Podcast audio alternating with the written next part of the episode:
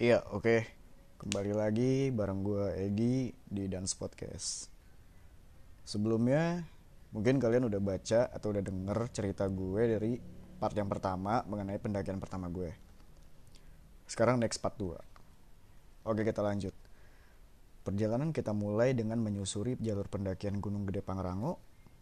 Via Cibodas ini, gue melewati salah satu jembatan yang kanan kirinya itu dikelilingin rawa Posta Rentong namanya. Asli, ini baru pertama kali gua naik gunung itu capek banget, pakai banget. Atau entah karena gua yang orangnya bosenan kali ya, makanya baru jalan sedikit aja udah capek begitu. Cuman uh, gue disemangatin teman-teman gua, teman gue itu banyak yang bilang, udah bawa santai aja, tegur sapa kayak sama pendaki lain. Oke, gue ikutin, gue tegur sapa sama pendaki lain. Katanya biar nggak capek dan ada temen gue yang bilang santai aja jalan ya pelan-pelan aja. Dikit lagi kok. Ya meskipun gue tahu dia bohong gitu. Gue tahu kok kalau itu masih jauh.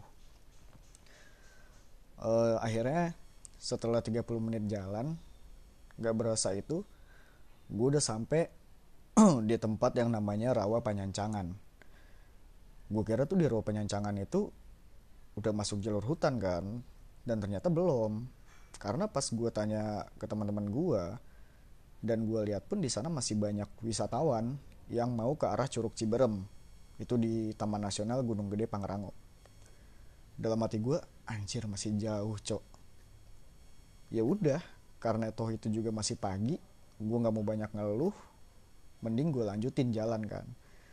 Uh, udah gue jalan dengan santainya. Akhirnya gue capek tuh.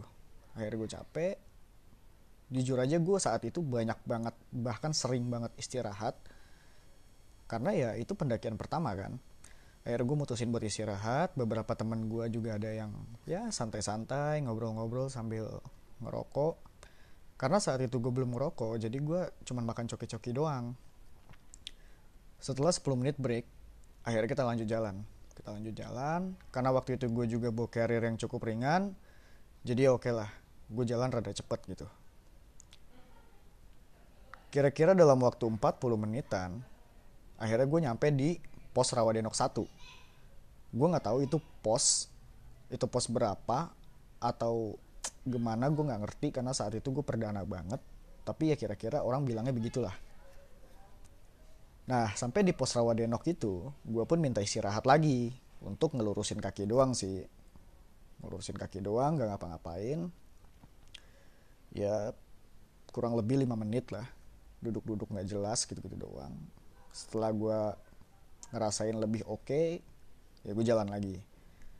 Perjalanan kita lanjutin. Gue jalan di tengah. Saat itu gue jalan di tengah karena gue mikir kalau gue jalan di belakang itu pasti ketinggalan. Dan ketika jalan di depan gue nggak tahu rutenya gue nggak tahu jalurnya gitu kan. Akhirnya ya udah gue jalan di tengah. Tiba-tiba ketika arah kita mau ke pos mata air panas nih kaki gue salah ambil pijakan yang ngebikin gue sedikit atraksi. Dalam tanda kutip gue jatuh. Emang gak begitu sakit sih. Ya tapi malu lah. Ya udah gue akhirnya minggir gue buka sepatu dulu kan gue ngolesin minyak urut ke kaki gue memang saat itu gue bawa minyak urut. Sambil nungguin gue ngolesin minyak urut ke kaki beberapa teman gue itu ngerokok lagi. Memang sih kalau kata orang mendaki gunung bisa bikin orang berhenti ngerokok berhenti ngerokok berhenti dan ngerokok. Kira-kira kayak gitu sih. Kalau kata salah satu stand up komedian yang dia juga seorang pendaki gunung namanya Zawinur Ikram gue ngefans sama dia. Oke kita lanjut. Setelah selesai gue ngolesin kaki segala macem dan teman-teman gue juga selesai sebat keril kembali gue angkat. Perjalanan pun gue lanjutin.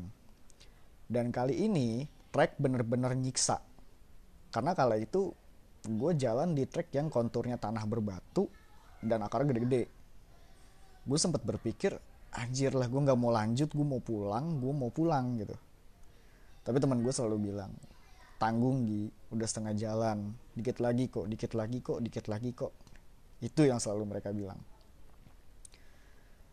Ya oke okay. gue nggak mau banyak terlalu mikir panjang nggak mau banyak ngeluh juga. Ya udah gue lanjutin jalan tetapi selama di dalam hutan itu selama gue masuk kawasan hutan ya ada beberapa kejadian yang bagi gue nggak masuk akal tapi itu terjadi. Contoh ketika gue mau perjalanan ke pos kandang badak waktu itu kalau nggak salah itu di pertengahan jalan gue ngedenger kayak ada orang manggil nama gue Egi itu tapi begitu gue nengok itu orangnya nggak ada. Gue nanya dong ke teman-teman gue lu manggil gue nggak sih? Lu manggil gue nggak sih tapi dari mereka nggak ada yang ngaku. Bilangnya enggak gue nggak manggil gue nggak manggil. Ya di situ memang bukan tim gue doang. Cuman logikanya begini loh. Siapa sih yang manggil gue dan tahu nama gue selain teman-teman gue gitu? Kan nggak ada.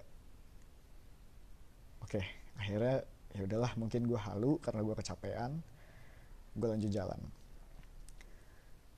Perjalanan itu tujuannya adalah ke pos kandang batu atau kandang badak gitu yang bisa ditempuh dalam waktu sebenarnya sih kalau kata orang satu jam atau satu jam setengah. Cuman ini gue sampai dua jam lebih. Emang lama banget karena ya emang gue jalannya pelan saat itu. Gak kerasa nih udah mau jam 12 siang. Jam 12 siang lewat dikit lah. Kita break di sebelum pos kandang badak nih. Sekedar ngopi-ngopi dan makan siang.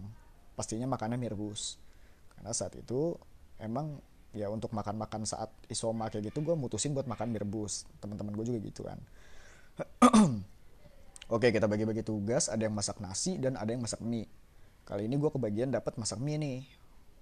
Akhirnya gue masak mie dan setelah mie mateng tinggal nunggu nasi. Tinggal nunggu nasi mateng kan. Gak sadar gue ketiduran karena mungkin memang udah kecapean banget. Akhirnya gue pun kebangun. Gue kebangun karena kedinginan. Karena saat itu siang dan kabut naik. Jadi ya gue kedinginan akhirnya gue kebangun ya udah tuh gue gue buru-buru makan udah selesai makan kita prepare masukin barang-barang yang tadi kita pakai ke carrier beresin sampah segala macem kita lanjut jalan. Dan temen gue bilang kayak gini ke gue e, lu jangan banyak bengong Gi. Banyakin gerak jangan sampai lu halusinasi lagi takutnya lu habis kena hujan kedinginan gitu takutnya kena gejala hipotermia. Karena kedinginan. Ya udah oke. Okay. akhirnya gue jalan dan ya gue nyanyi nyanyi nggak jelas ngobrol-ngobrol nggak jelas. Kadang apa aja gue obrolin. Karena ya gue nggak mau nggak mau gue sampai ngeblank nggak mau sampai bengong gitu kan. Dan ketika gue baru 20 menit berjalan cuaca yang awalnya cerah itu hujan mendadak. Dan hujannya gede banget lebat banget. Itu hujan akhirnya kita ngeluarin raincoat segala macam kan. Kita pakai jas hujan ya udah oke beres kita jalan lagi dan so, saat itu posisi gue sangat ngedrop. Bukan sekedar drop di fisik aja tapi gue drop di mental. Akhirnya temen gue nyemangatin gue ayo dikit lagi dikit lagi. Kita sampai campground kok dikit lagi. Oke akhirnya yaudah gue jalan jalan jalan. Setelah sekian lama gue berjalan nih gue sampai di satu tempat yang di sana rame banget. Banyak banget orang. Ternyata tujuan kita ngecamp adalah di sana yaitu camp area kandang badak. Gue nggak ngerti kenapa namanya kandang badak. Apakah dulu di sana banyak badak atau gimana gue nggak tahu. Tapi di sana ramai banget. Itu banyak tanda eh, tenda-tenda orang warna-warni gitu. Dan ya bagi gue yang pertama kali ngelihat momen itu ya pertama kali yang ada di pikiran gue oh gini ya orang ngecamp tuh asik loh. Ya udah akhirnya kita naruh carrier duduk sebentar. Setelah kita naruh carrier itu kita duduk dan lagi-lagi beberapa teman gue mungkin ada yang ya nahan asem dan dia ngerokok lagi. Sampai akhirnya kita mutusin ya udah yuk kita bikin tenda biar cepat istirahat cepat makan. Jadi kita bagi tugas ada yang mak ada yang masak ada yang bikin tenda. Saat itu gue kebagian untuk bantuin masang bikin tenda. Oke setelah kita bikin tenda beres uh, eh, gue bilang ke teman gue gue capek banget nih gue pengen tidur. Gue istirahat duluan ya ya udah akhirnya gue tidur tuh tapi teman gue masih lanjut masak. Dan gue kebangun gara-gara teman gue ngebangunin gue tuh untuk makan. Karena gue saat itu tidur sore dan gue bangun jam 8 malam. Gue bangun jam 8 malam ya udah gue dibangunin makan. Ya udah akhirnya gue makan tuh. Sambil makan kita kan ada ngobrol-ngobrol nih. Gue pun buka topik nih mengenai apa yang gue alamin tadi siang. Jadi gue bilang ke teman gue bahwa gue ngedenger suara ada yang manggil gue tapi teman gue langsung bilang nanti aja ceritanya di rumah jangan di sini. Ya udah. Akhirnya gue lupain tuh cerita dibiarin. Obrolan pun dilanjut. Sambil ngopi-ngopi kita ngobrol-ngobrol. Teman gue langsung bilang gini jam 9an kita tidur ya. Soalnya jam 3 kita summit. Gue kaget dong saat itu. Hah? Jam 3 apa nih? Jam 3 sore? Kata dia jam 3 subuh wah gila sih saat itu aja jam-jam 8 tuh udah dingin banget. Gue nggak ngebayang tuh kalau kita harus keluar tenda jam 3 subuh. Cuman ya udahlah kata gue yaudah ayo akhirnya kita tidur. Tidur tidur tidur tidur. Tiba-tiba gue kebangun sama temen gue yang bilang Gi ayo bangun. Udah jam 3 kita summit. Ya udah tuh saat itu gue ya lap-lap muka dikit. Terus gue pakai jaket siap-siap kan pakai jaket celana gunung sepatu sama sarung tangan segala macem dan ketika gue buka tenda gue nggak percaya sama apa yang gue lihat. Di luar sana udah banyak banget cahaya headlamp dari para pendaki yang mau summit ke puncak. Akhirnya gue gue kira tuh gue cuma serombongan gitu kan. Ternyata rame. Nah akhirnya ya udah gue siap-siap tuh kita bikin lingkaran kita berdoa bareng-bareng. Dan di sinilah perjalanan sebenarnya dimulai gue mulai deg-degan gue mulai deg-degan parah gue takut tapi gue penasaran. Cuman ya yang terfikir sama gue saat itu oke okay, gue bisa. Gue bisa gue mampu dan gue harus bisa. Udah gue nggak mau terlalu takut gue mau terlalu mikirin yang aneh-aneh ya udah. Bismillah gue jalan. Gini loh gue adalah tipikal orang yang takut ketinggian. Makanya gue takut tuh saat itu. Tapi ya udahlah gue lanjut jalan. Gue melangkah pelan-pelan. Gue ngelawan rasa mager ngantuk lapar segala macem dan dingin kan. Jaket yang gue pakai tuh udah tebel banget tapi sama sekali nggak mempan buat ngelawan dinginnya udara di pagi itu. Trek makin nyiksa kaki sampai nggak berasa saat itu asli first time gue ya nangis lah. Gue gue bilang gue nggak mau naik gunung lagi gue pengen pulang gue nggak mau ke sini lagi. Tapi teman-teman gue bilang udah ayo dikit lagi kok dikit lagi. Lu mampu lu mampu lu mampu. Akhirnya ya udah gue jalan. Gue disemangatin sama orang-orang pendaki-pendaki sana dan gue mikir sesolid ini loh di gunung. Mereka nggak kenal gue tapi mereka mau support gue bahkan sampai ada salah satu pendaki yang gue masih inget namanya namanya Kang Arman. Kang Arman ini bilang ke gue ayo ah jalannya pelan-pelan aja biar saya iringin di belakang. Wah kata gue dia nggak kenal gue tapi dia mau ngiringin gue ya udah akhirnya gue jalan pelan-pelan gue jalan pelan-pelan. Sampai gue ada di trek yang sangat terkenal di Gunung Gede Pangrango. Namanya Tanjakan Setan. Bukan karena tanjakannya serem. Ya memang bentuknya serem sih gue akuin.